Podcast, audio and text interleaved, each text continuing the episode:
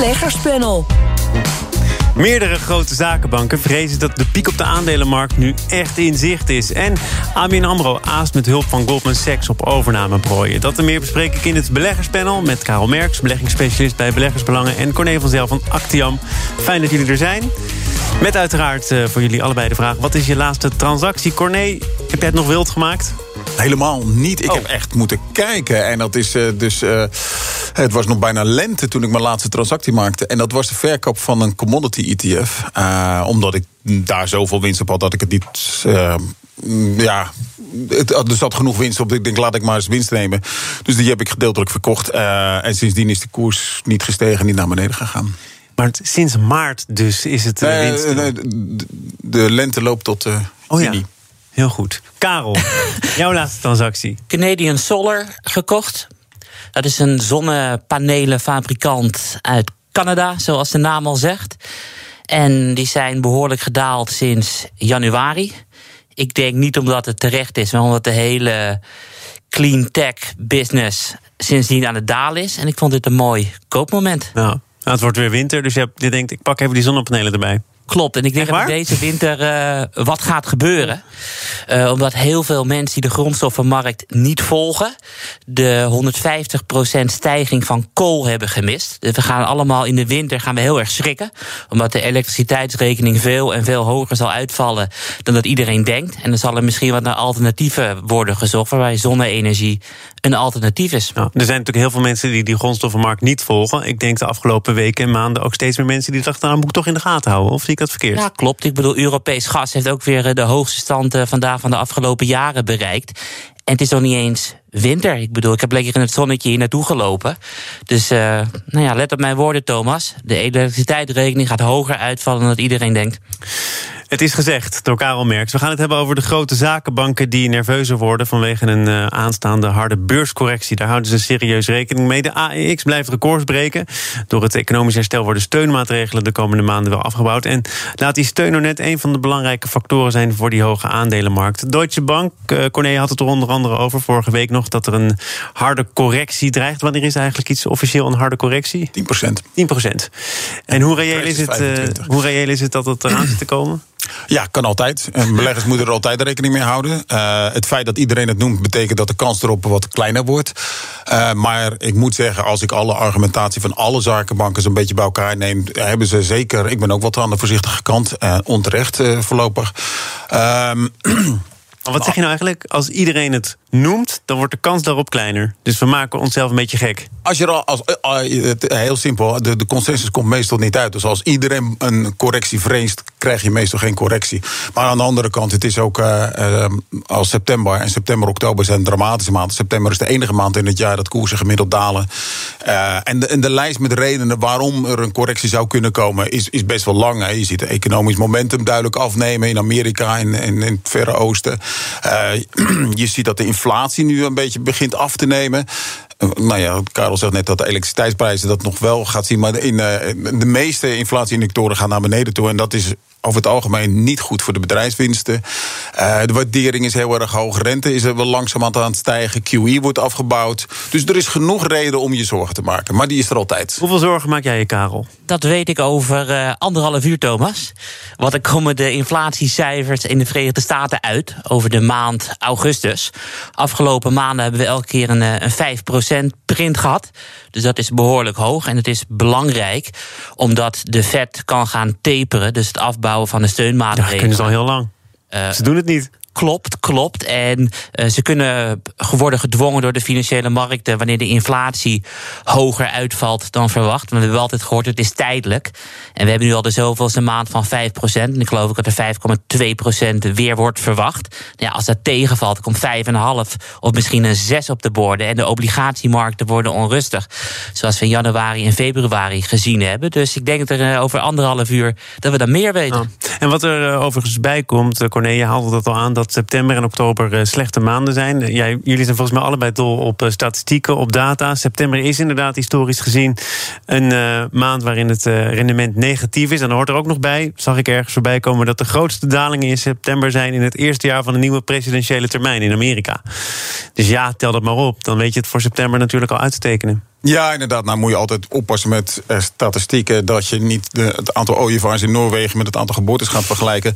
Uh, maar er is wel ook wat voor te zeggen. In, een, uh, in de, die presidentiële cyclus heeft vooral te maken met het feit dat een president vooral in de eerste periode van zijn termijn de moeilijke beslissingen genomen. En in de tweede helft van de termijn, omdat hij herkozen wordt worden, de leuke beslissingen. dus wat dat betreft, dat verklaart het fenomeen. maar er zijn natuurlijk duizend factoren factoren die de koers beïnvloeden. En niet alleen de presidentscyclus of de septembercyclus. Voor, voor de belegger die nu luistert, en dat zijn er duizenden natuurlijk. Wat kun je nou het beste doen? Moet je een beetje winst nemen, een beetje afromen? Ligt eraan wat je strategie is. Op het moment dat jij voor de komende 20 jaar belegt, omdat je dan met pensioen wil gaan, lekker blijven zitten. En op het moment dat het naar beneden gaat, nou ja, dan ga je maar wat minder spaargeld aanhouden en dan stop je het in de financiële markten. Op het moment dat je aan het treden bent, waar, ik denk dat er heel veel minder beleggers of luisteraars dat doen, kan je het best uh, negeren. Want als je naar de afgelopen jaren kijkt, zijn er altijd zakenbanken die zeggen van pas op, een correctie. En dan komt hij niet. En op, op een gegeven moment zegt iedereen: we gaan omhoog en dan gaan we naar beneden. Volgens mij heb jij daar een sprekend voorbeeld van, hè? Van zo'n waarschuwing van uh, zakenbank in 2016, meen ik. Ja, Verkoop alles? Ja, dat was Bank of America. Dat was in de, in de eerste kwartaal, januari. Toen stond de olieprijs uh, op 30. De AX was de afgelopen 12 maanden met iets meer dan uh, 20% gedaald. En toen was het verkoop alles. Nou ja, dat was precies op de low, dat rapport. Ja, ja mag, ik, mag ik een mooie tegeltjeswijsheid hierin gooien? Jij bent van de tegeltjes, toch? Daarom. Uh, nee, er wordt meer uh, geld verloren met het wachten op de correctie dan met de correctie zelf. Mooi die moeten beleggers goed onthouden. Ik, eh, dit is misschien niet de plek voor, uh, voor echt advies aan individuele uh, beleggers. Want uh, Karel gaf het al aan, het hangt net vanaf wat je doel is. Maar ik kwam een advies tegen van de Chief Investment Officer van Morgan Stanley cyclische aandelen van hoge kwaliteit, met name aandelen in de financiële sector. En ga op zoek naar consistente dividendbetalers in de consumptiesector en de gezondheidszorg. Nou, Karel. Valt er nog iets tegen in te brengen? Of is dit een uh, uh, valt advies? in te brengen. Want op het moment dat je elk jaar het dividend weet te verhogen, zoals de Amerikaanse dividend aristocrats, dan komt het op lange termijn komt het goed. Ja, alleen heb je wel met deze strategie afgelopen jaren uh, een wat slechter rendement gehaald. Je had gewoon blind moeten gaan in alle populaire aandelen. Overigens, dit is ook een van de weinige periodes dat particulieren met al het achternajagen van alle meme-stocks en, en uh, Googles en Facebooks en Tesla's van deze wereld het beter doen dan de markt. meestal doen ze het slechter. En UBS heeft net een rapport uitgebracht en, en daarin viel op dat de gemiddelde portefeuille van de particulier het beter doet dan de markt. Dat is heel uitzonderlijk. Maar wat is, wat is de rol van die particulier op de markt? Want ik eh, herinner me nog ESMA, de Europese beurswaakhond. En die zei, die, die particuliere beleggers die zijn inderdaad bezig met eh, meme stocks en enorm volatiele aandelen. Dat is een zekere uh, nou, risico dat ze nemen. Is een onzekere factor. En tegelijkertijd kwam ik in het FD, ik meen een beleggingsstratege van ABN AMRO tegen. Die zegt nee, juist het feit dat al die particulieren zijn gaan beleggen, dat is het fundament van de markt. Uh, nou, dat was vroeger het fundament van de markt. Wat je ziet is dat het echt tot een bodem gedaald is. Maar in de afgelopen twee jaar, en dat was al eigenlijk een beetje begonnen, die draai was al begonnen voor uh, de coronacrisis. Zag je dat vanwege die lage rente ook steeds meer particuliere beleggers uh, een groter deel van de markt hebben. En je ziet dat het percentage toeneemt. En dat vind ik wel opmerkelijk. Particulieren die het beter doen dan de markt, Karel. Dat is een feit dat is een feit afgelopen jaar. Maar ik denk dat het ook komt omdat er iets bijzonders aan de hand is. Dat in de Verenigde Staten er werkloosheidsuitkeringen zijn verstrekt. die hoger zijn dan het laatst verdiende loon. En het schijnt toch zo te zijn dat op het moment dat je meer geld krijgt. waarvan je denkt van ja, daar heb ik eigenlijk geen recht op. dat je het heel snel in gaat zetten op de financiële markten. Alleen die extreme steunmaatregelen zijn vorige week geëindigd in de Verenigde Staten. Dus er komt geen nieuw geld meer bij. Dus ik ben heel nieuwsgierig hoe dat de komende weken gaat als mensen van de bank af moeten en gaan werken. We kijken naar de komende weken en we wachten natuurlijk op dat moment, ongeveer anderhalf uur van nu, dat die inflatiecijfers uit de VS naar buiten komen. Nu eerst. BNR Nieuwsradio.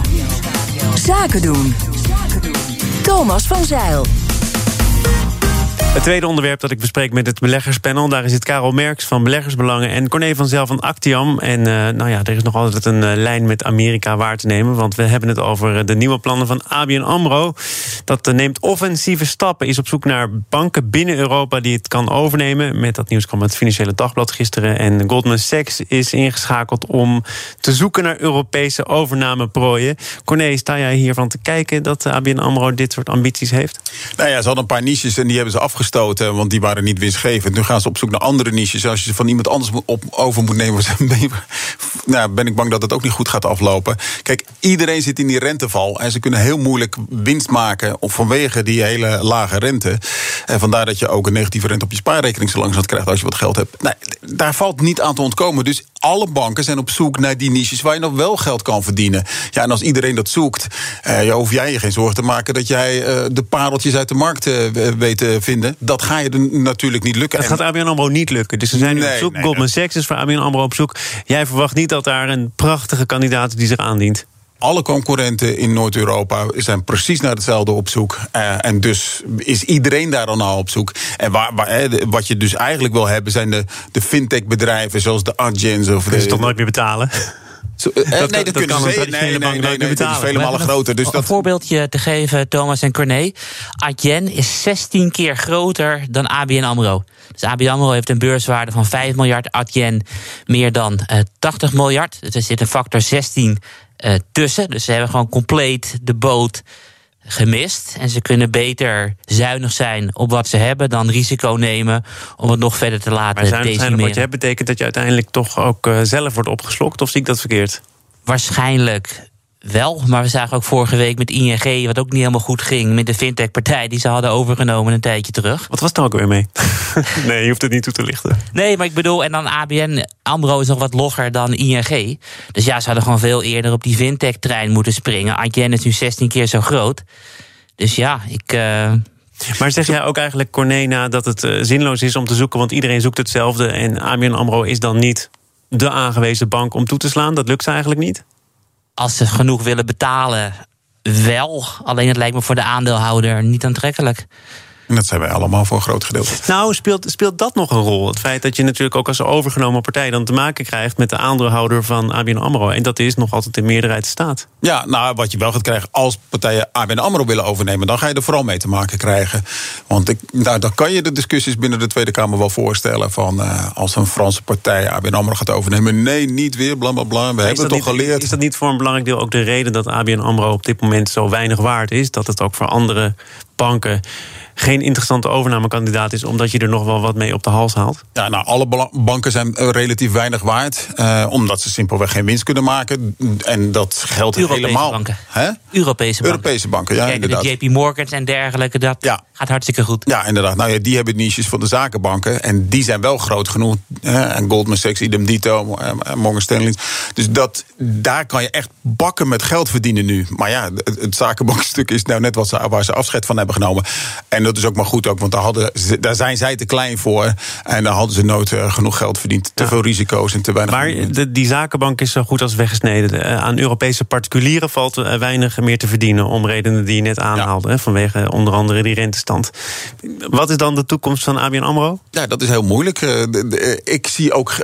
dan kan je wel leuke overnames gaan doen. Waar iedereen naar op zoek is. Dus ze zitten in een heel moeilijk pakket. Het enige wat ze eruit kan redden is een hogere rente. En de rente zal wel wat omhoog gaan. Maar niet hoog genoeg voor ABN AMRO om goed genoeg winstgevend te zijn. Wat is de toekomst van ABN AMRO? Ik denk steeds kleiner. Want ik las ook in het FD dat ze op zoek zijn naar partijen die met vermogende klanten. Ja, wat gaan vermogende klanten doen? Die gaan steeds meer passief beleggen in ETF's met lagere kosten en steeds minder in actief beheerde aandelenfondsen. Dus die marge zie ik ook krimpen. Dus ik denk dat op de hele lange termijn de kaars heel langzaam uitgaan. Ja, ik kan me er al bij aansluiten.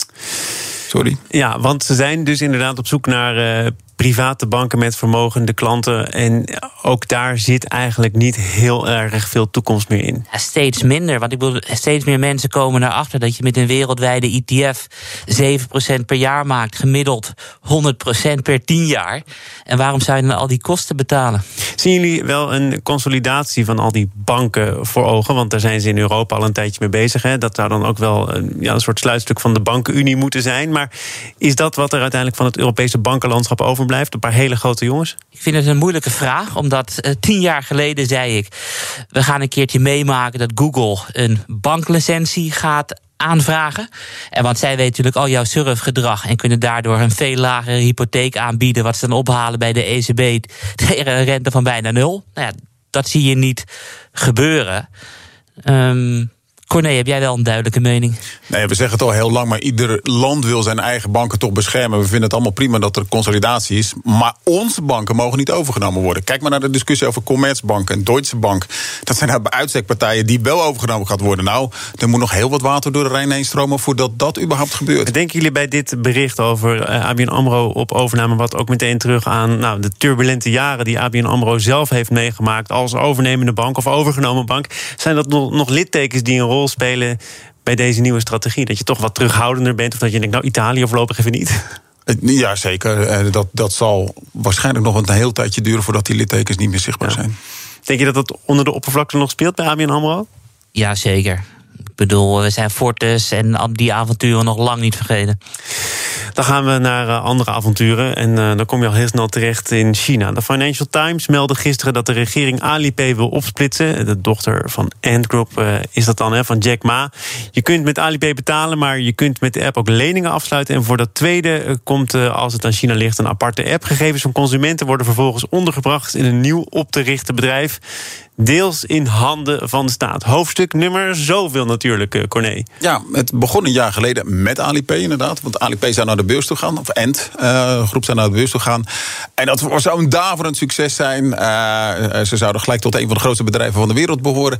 Nou ja, dat is op het laatste moment echt de grond ingeboord. En dit is weer het laatste hoofdstuk in dit boek... wat voorlopig waarschijnlijk nog doorgaat.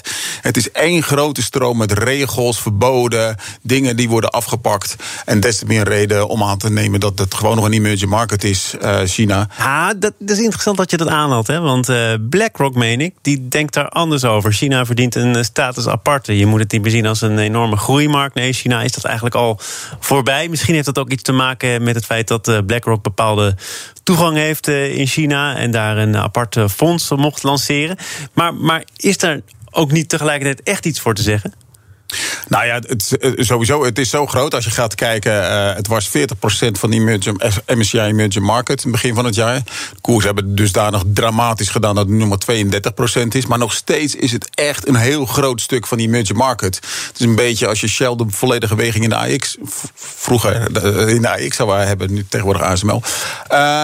dus, dat, dus één land bepaalt eigenlijk alles wat er met die emerging markets gebeurt. Dus eh, dat zou ervoor pleiten om het eruit te halen. Uh, ja, voor de rest heeft het alle karakteristieken. Gewoon een regering die ingrijpt wat ze wel bevalt. En of aandeelhouders daarna voor moeten bloeden of niet. Dat doet volledig niet de zaken. En in dat opzicht is het een volledige emerging market. In, in welk mandje zou jij China plaatsen, Karel? Opkomende markten niet ontwikkeld. Ik bedoel, als je kijkt naar de MCI World, daar zit China ook uh, niet in. Maar ik vind het wel opvallend dat China vooral aan het ingrijpen is bij bedrijven die heel veel macht hebben bij consumenten. En niet bij andere sectoren, zoals bijvoorbeeld de chip-aandelen. Dus je ziet heel erg duidelijk op het moment dat er wordt ingegrepen. Dan zie je Tencent, Alibaba. Geopolitieke belangen spelen een rol, denk ik. Die zie je dan een paar procent uh, dalen. Maar die chippers, die Chinese chippers, zie je een paar procent stijgen. Kijk, en China heeft liever, denk ik, dat de beste jongetjes van de klas niet naar bedrijven gaan die zoveel mogelijk winst willen maken uit uh, dataonderzoek, wat wij allemaal aan het doen zijn, maar gewoon uit technologieën waarvan China zijn zinnen op heeft gezet, zoals bijvoorbeeld chip, chip en biotechnologie en dat soort sectoren. Maar heeft het ook niet te maken met ideologie? Want uh, als ik uh, China-correspondenten moet geloven, dan valt dit allemaal onder de noemer. Richt je op de maatschappij, dat is belangrijk. Hè. Zorg ervoor dat je niet de hele dag zit te gamen, maar uh, lees een boek en verdiep je in uh, onze partijstandpunten. En geld verdienen, dat komt dan later wel. Ja, op zich hartstikke goed. Ik denk dat wij allemaal niet willen dat onze kinderen het hele weekend zitten te gamen. En af en toe naar buiten gaan, een beetje voetballen en een boek lezen. Alleen ja, China. Of het verkiezingsprogramma, partijprogramma, dat ja, ligt misschien wat minder voor de hand hier. Nee, nee, klopt. Weet je. En de belegger moet heel duidelijk realiseren dat China meer risico's heeft dan beleggen in het Westen. En de vraag is: wil je dat, ja of nee?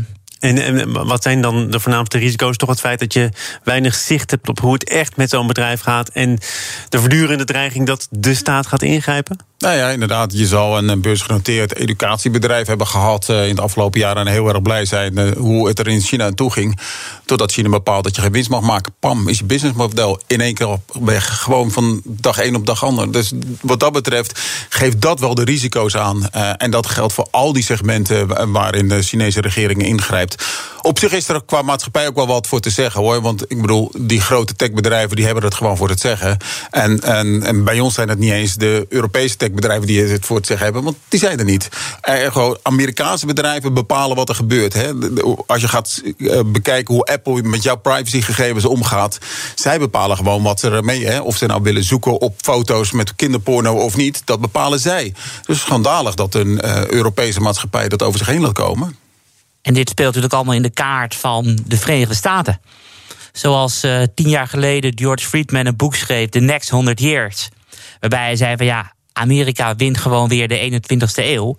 Nou ja, dat, dat, zie je nu gebeuren, want beleggers trekken hun geld terug uit Chinese tech-aandelen. Ja, er is heel veel geld, heel veel kapitaal verdampt hè, de afgelopen weken. Ja, dat, dat, klopt. Maar als je dan kijkt naar de Amerikaanse techbedrijven, die hebben echt hartstikke goed gedaan. En nu stroomt er weer meer geld naar Silicon Valley toe. En als je gewoon jong bent, ambitieus en je wil wat, wil je dan voor een Chinese start-up werken of voor een Amerikaanse. Dus ik denk dat dit alleen op lange termijn in de hand speelt van Amerika. Want volgens mij heeft de geschiedenis wel laten geleerd hoe meer kapitalisme, uh, hoe beter de economie. Zo.